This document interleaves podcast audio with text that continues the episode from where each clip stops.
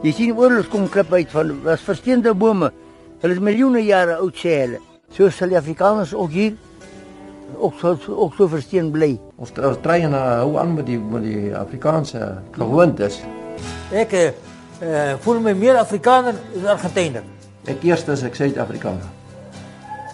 Altyd. They're very proud of their roots. They're very proud of their heritage of being Afrikaans and being from South Africa. The oldest people are the only ones really who still speak Afrikaans. About 45 people can speak Afrikaans and only 10 of those people speak it really well. Somebody else told me they think probably about 150 people speak Afrikaans and maybe 40 of them speak it well.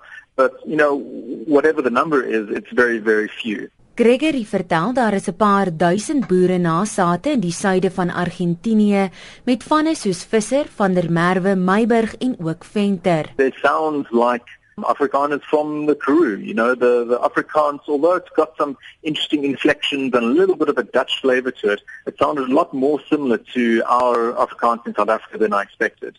They look more like Argentines.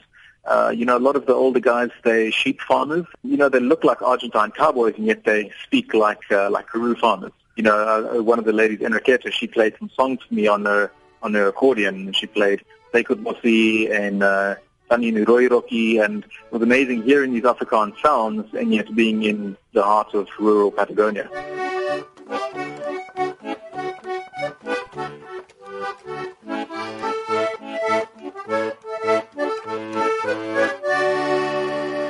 Gregory sê die jong mense in die gemeenskap is egter ten volle geïntegreer met die Argentynse kultuur en Afrikaans word agterweë gelaat.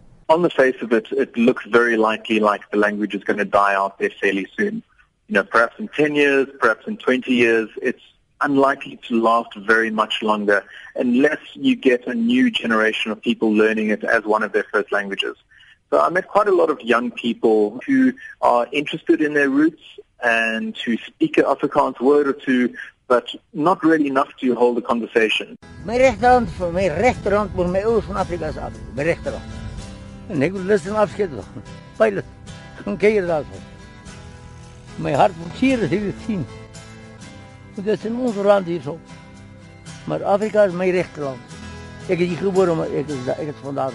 Op sosiale media het mense met Suid-Afrikaanse wortels regoor die wêreld saam met die oom in die dokumentêr getreur oor hul gedeelde verlange na hul tuisland.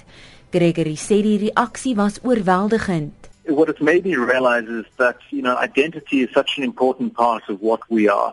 You know, after having learned Afrikaans for 12 years in school, but not needed to use it that much in my daily life in Cape Town, suddenly I realized that, you know, Afrikaans is maybe a bigger part of what makes up my personal culture or identity than I thought at first. Making them realize that it doesn't matter what part of the world you're in. You know, if you've got roots in South Africa, this is this is part of what makes you who you are, and that's been a pretty powerful experience. Die volle dokumentêr met die titel The Boers at the End of the World sal na verwagting volgende jaar vrygestel word.